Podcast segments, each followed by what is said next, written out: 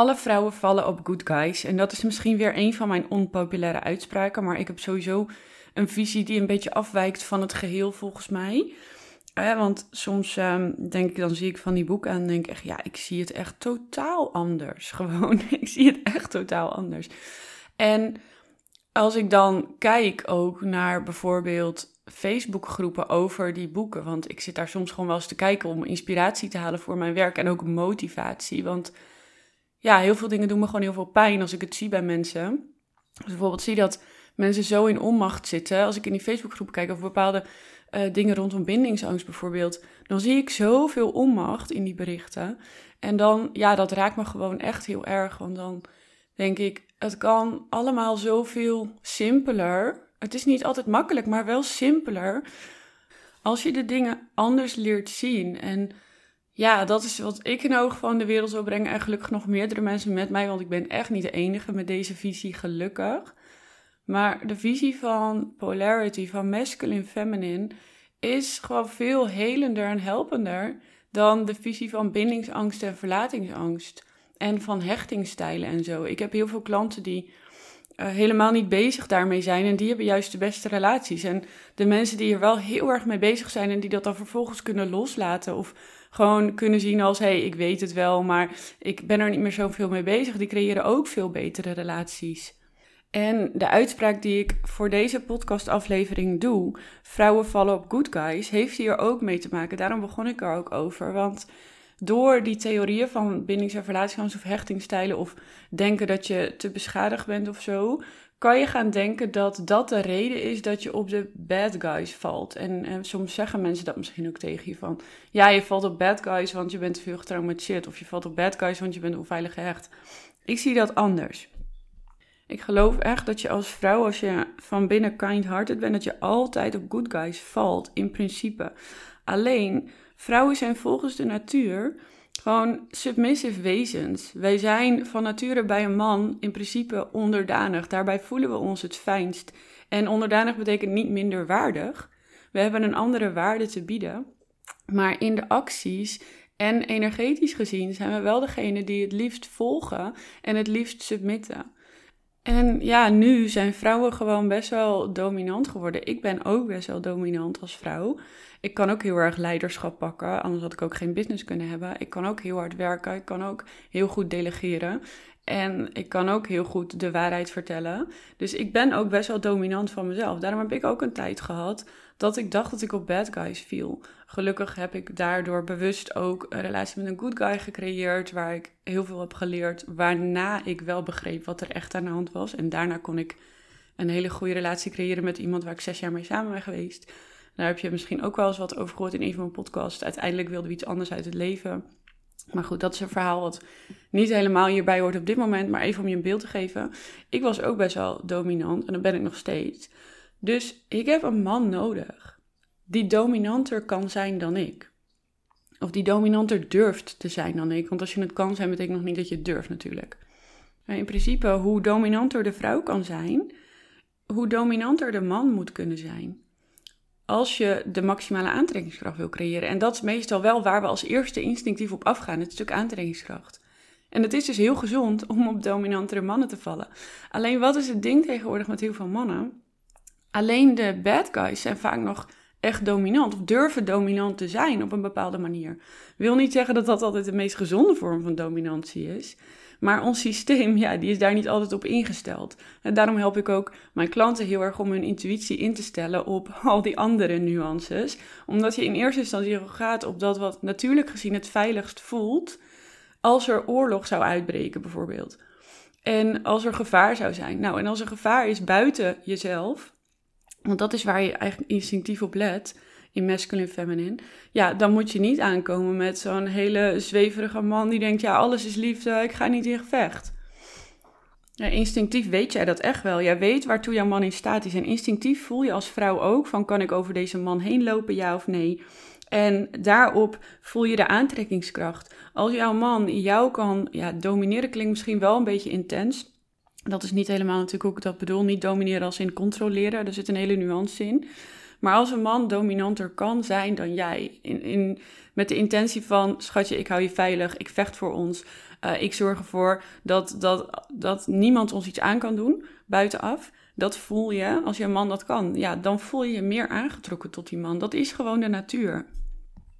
En als je dat beter leert begrijpen, dan ga je ook jezelf meer waarderen, je eigen gevoelens van aantrekkingskracht meer waarderen. Want wat er nu gebeurt, is dat dan heel veel mensen zeggen: ja, je valt op uh, verkeerde mannen, je valt op toxische mannen of zo. En wat je dan gaat doen, is dat je dan maar gaat ja, forceren om op iemand anders te vallen. Ik heb dat toen ook gedaan. Het heeft me wel geholpen, overigens, een tijdje, omdat ik echt wist dat het een placeholder was. En dat noem ik dan zo. Een placeholder vind ik iemand waar je samen mee afspreekt dat je met elkaar gaat leren en van elkaar gaat leren en met elkaar samen gaat groeien. Maar niet per se in de commitment. Maar dat is wel van allebei de kanten. Hè. Dat is natuurlijk belangrijk. Mensen onderschatten dit soort connecties ook wel eens. Het heeft mijn zenuwstelsel toen heel erg rustig gemaakt en dat had ik echt nodig. Anders had ik die relatie daarna ook niet kunnen dragen met een man die dus wel dominanter was, maar ook liefdevol. Maar wat heel veel vrouwen dan doen, wat ik ze zie doen, is dan zichzelf bestempelen als, nou ja, dan zal ik wel bindingsangst hebben of dan zal ik wel verlatingsangst hebben. Of het zal wel door mijn hechtingstijl komen. Dus dan moet ik maar een relatie creëren met iemand waar ik geen aantrekkingskracht voel, die wel goed voor me is, waar het plaatje wel klopt. En dan vervolgens ben je tien jaar samen met iemand waar totaal geen levenslust en aantrekkingskracht is. Omdat je eigenlijk vanaf moment één al incompatible was. Want ik laat mijn klanten altijd selecteren op compatibility. En dat is gevoelsmatig. En dat is the part of God, noem ik het wel eens. Maar het is ook dat instinctieve, uh, natuurlijke dominantieverschil. Wat gevoelens van diepe veiligheid en dus ook diepe aantrekkingskracht creëert. En als je die dingen bijvoorbeeld niet begrijpt, ja, dan, dan eindig je in een relatie waar je de hele tijd denkt van ja, is dit het nou? Is dit dan wat ik moet voelen, wat ik moet ervaren? dan ga je je vervelen, dan wordt het saai. En nou, een echte liefdesrelatie waarin je wel de dominantieverschil hebt en begrijpt en waardeert, want het kan er wel zijn, maar als je het niet waardeert als vrouw, als je erboven probeert te staan of zo bijvoorbeeld, dan creëer je ook distance. Dus het is allemaal genuanceerd. Als ik alle nuances moet noemen in een podcast, ben ik tien uur bezig, ga ik niet doen. Maar even gewoon plat gezegd, als je dat niet kent, niet begrijpt en niet waardeert, ja, dan blijf je dus in een relatie waar het super saai is. En dat is zonde, want er is zoveel moois te ontdekken in een liefdesrelatie. Het is eigenlijk de mooiste plek die je kan creëren voor jezelf. Het allermooiste wat je kunt ja, hebben is misschien niet het juiste woord, maar ik weet even geen beter woord voor. En waar je energie uit kunt halen, waar je uit kunt groeien, waar je een beter mens van kunt worden. En dan ga je op die basis een relatie creëren. En ja, er is vaak ook nog wel heel veel uit te halen hoor. Als je wel met die dominantie gaat spelen. Soms dan was je eigenlijk wel compatible, maar wist je dat gewoon niet. En dat, ontdekt, dat ontdekken mensen ook wel eens bij me. Dus als je dit nu hoort en je hebt zo'n relatie en je denkt meteen heel zwart-wit, doe dat alsjeblieft niet. Maar ik wil je meer aangeven van, hey, dit is dus waar aantrekkingskracht echt vandaan komt. En in de kern vallen vrouwen eigenlijk altijd wel op good guys. Maar ze vallen vooral op dominantie, omdat dat, ja, externe veiligheid gaat vaak voor interne veiligheid als het gaat om aantrekkingskracht. Want dat is gewoon hoe de natuur werkt. Hè? De natuur gaat altijd eerst over overleven en dan pas over happiness en joy en plezier. Maar als je het stuk overleven leert begrijpen, en als je dus leert begrijpen waar aantrekkingskracht daadwerkelijk vandaan komt, dan ben je er ook veel trouwer aan. En dan koester je het ook meer. Dan koester je ook meer waar, waarom je bepaalde aantrekkingskracht voelt. Heel veel mensen gaan zelf niet meer vanuit hun intuïtie op zoek naar waar dat dan vandaan komt. Ze gaan heel vaak al conclusies trekken uit die boeken vanuit bindings- en verlating, of uit de theorieën van hechtingstijl, of uit papa en mama en wat die allemaal verkeerd hebben gedaan, of wat je vroeger allemaal wel of niet had geleerd. En ik wil je uitnodigen als je deze podcast luistert om er eens anders naar te gaan kijken vanuit de visie van natuurlijke aantrekkingskracht. Waar dat überhaupt vandaan komt. Ik had het hier gisteren met een vriendin van me over. Het is nog niet eens echt een vriendin, het is meer een klant van me. Ze heeft mijn dating game gekocht en ze is hier dan nu in Malaga. Maar ja, we hebben gewoon een hele goede klik met elkaar. Dat was super leuk. Dus zij is nu mijn game aan het spelen en ze zei ook van ja, ik vind het zo verademing dat ik gewoon eigenlijk toestemming krijg. Het klinkt heel raar. Om trouw te zijn aan mijn eigen aantrekkingskracht. Want ja, ik heb dus een tijd, ze had de hele tijd niet gedate. Toen heeft ze een tijd een man gedate. Waar ze helemaal geen aantrekkingskrachten mee voelde. Maar ja, het plaatje was goed. Dus toen ging ze heel erg twijfelen aan zichzelf. Van ja, hè, ben ik dan gewoon uh, verkeerd bezig? Uh, heb ik uh, blokkades? Heb ik een toxisch patroon in me? Heb ik bindingsangst? Weet ik veel wat. Maar ze zei uiteindelijk van nee, ik voelde gewoon geen aantrekkingskracht. En hij zat ook helemaal niet in zijn mannelijke energie bij mij. En daar lette ik toen helemaal nog niet op. Dus ik ben blij dat ik daar nu meer over kan leren. Ook in de nuances, wat ik net al zei, tussen dominantie versus controlling en manipulatie en zo. En bijvoorbeeld compassie voelen naar iemand versus beginnen met pleasen, weet je wel. Dat zijn allemaal van die nuances die je wilt leren. Want daarin kan je jezelf scherp houden, kan je bij jezelf blijven, kan je de juiste dingen uitspreken. En kan je een dominante man ook dragen, een dominante good guy. Want er zijn heel veel dominante good guys die die dominantie wel in zich hebben. Maar als een vrouw dominanter gaat zijn vanuit een soort onmacht of vanuit een soort, ja, ik kan het, dus ik doe het. Dan gaat hij of in die submissive rol, waardoor de aantrekkingskracht meteen breekt. Of hij gaat weg. Weet je wel? Of hij probeert het misschien nog wel een paar keer, maar dan gaat hij weg als hij het niet voor elkaar krijgt. Dus het helpt gewoon heel erg om daar meer over te leren en meer over te weten. Want heel veel vrouwen gaan bijvoorbeeld ook een soort van in de coachrol naar een man. Uit onmacht. Ik had laatste situatie, heb ik toevallig een post over gedeeld vandaag. En dat is de laatste die ik even vertel, dan ga ik hem afronden. Ehm, er was een man die vertelde mij over een van zijn dates. En hij zei, ze hadden best een fijne date met elkaar. Ze hadden hele goede gesprekken samen. Er was veel diepgang, er was aantrekkingskracht. En op een gegeven moment werd zij een beetje directer. Ze zei van, joh, ik zou wel fysiek intiem met je willen zijn. En toen zei hij van, joh, dat zou ik ook best met jou willen, maar nog niet nu. En wat er vervolgens had kunnen gebeuren, wat heel mooi was geweest, is als zij had gezegd wat dat met haar had gedaan. Van, oh ja, ik voel me nu wel een beetje ongemakkelijk of ik voel me hier wel een beetje door geraakt. En dan was er een mooi gesprek ontstaan. En dan was zij nog wel gewoon in de submissive role gebleven, als het ware, vanuit de beste intentie van het woord, hè, nogmaals. Maar wat ze deed, was dat ze de dominante rol ging pakken. Ze ging meteen hem coachen. Ze zei van, oh, maar wat voel je dan en waarom dan? En we willen het toch allebei? En, en dat je een beetje in die coachende rol begint te gaan. Met de allerbeste bedoelingen misschien, om te onderzoeken waar, waarom hij het niet wil. Maar dat is precies wat je niet moet doen in een verbinding met een, een date of ook niet met vriendinnen trouwens. Dat is een vraag, namelijk het is een coachvraag en daar moet altijd toestemming voor zijn.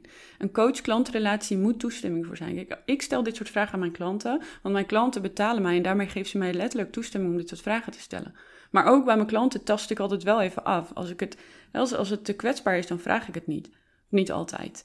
Ik ben ook niet altijd perfect. Maar het is niet de bedoeling dan. en in dit soort situaties is de relatie heel erg kwetsbaar. En is de bedoeling dat je in verbinding blijft. Maar als je een rolverdeling gaat creëren, onbedoeld, omdat je bijvoorbeeld niet het ongemak wil voelen, wat zij ervaarde, creëer je meteen afstand. En dit is ook waarom aantrekkingskracht allemaal zo genuanceerd is en waarom je er niet uit gaat komen met theorieën als bindingsverlating, et cetera. Want dan ga je alles daarop gooien en aan wijden. En dan ga je niet in het moment meer onderzoeken, hey, wat is er eigenlijk aan de hand? Wat gebeurt er echt? En aantrekkingskracht is zoiets gevoeligs. Het is niet iets wat je kan forceren of wat je... Um, je kan het sturen door dit te kennen. Maar het is wel iets wat je moet sturen vanuit volgen van de natuur. Je kan het niet sturen vanuit ik wil het zo, dus ik doe het zo. Dat werkt niet. Nou, en daarom wil ik dit soort dingen gewoon echt graag verspreiden met het liefst iedereen. Want ja, ik zie zo ontzettend veel onmacht in, in de liefde. Wat ik aan het begin van deze podcastaflevering zei, als ik in zo'n groep dan aan het kijken ben, ik zie alleen maar onmacht en ik voel alleen maar onmacht in de woorden die ze delen.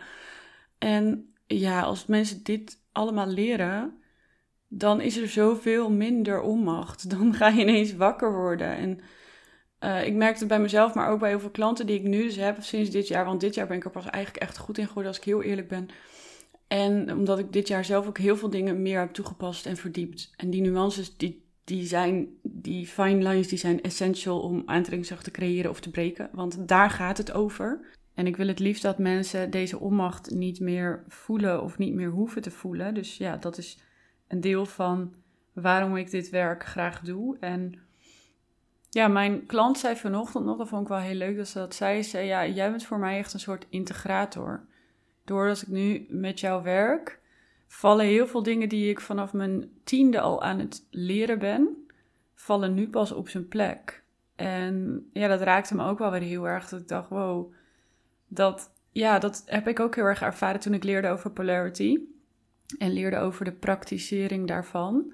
Dat heel veel dingen ineens op zijn plek vielen en dat ik begreep wat ik kon met de dingen die ik had geleerd en hoe dat dan werkte en waarom bepaalde dingen dus ook niet werkten. Zoals het tegen jezelf zeggen dat je bindingsangst hebt, wat dat eigenlijk met je doet. Wat dat energetisch doet. Of zoals je partner beginnen te coachen, wat dat met je doet. En wat dat met je partner doet. En het is heel genuanceerd, want je wilt er ook zijn en je wilt je partner steunen.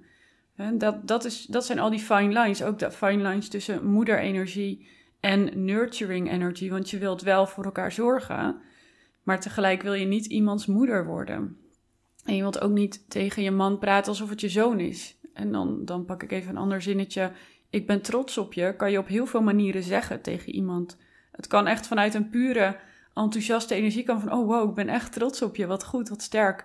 Maar het kan ook komen vanuit, oh schatje, ik ben zo trots op je. dus daarom werken scripts ook niet uh, in, in de liefde, omdat scripts ook zo genuanceerd zijn.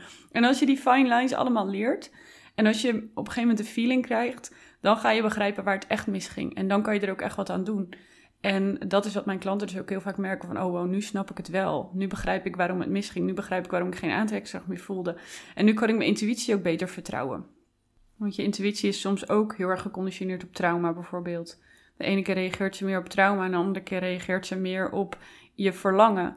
En als je die nuances in gevoelens kan onderscheiden, voel je ook veel sterker, veel krachtiger en kunnen je grenzen veel subtieler aangegeven worden. Nou, dat zijn een paar dingen die dit onderzoeken, dit leren van polarity, van de natuur, allemaal met je kan doen. Um, ik leer natuurlijk heel veel dingen, zowel in mijn podcast als in mijn games, et cetera. Maar ik laat hem voor hier nu eventjes erbij, want anders wordt het misschien wat overweldigend. En ik zie je graag weer in een volgende aflevering terug. Thanks voor het luisteren, lieverd. Ik hoop dat je er iets aan hebt gehad. En als je er iets aan hebt gehad, deel vooral de podcast of laat het me even weten via een DM.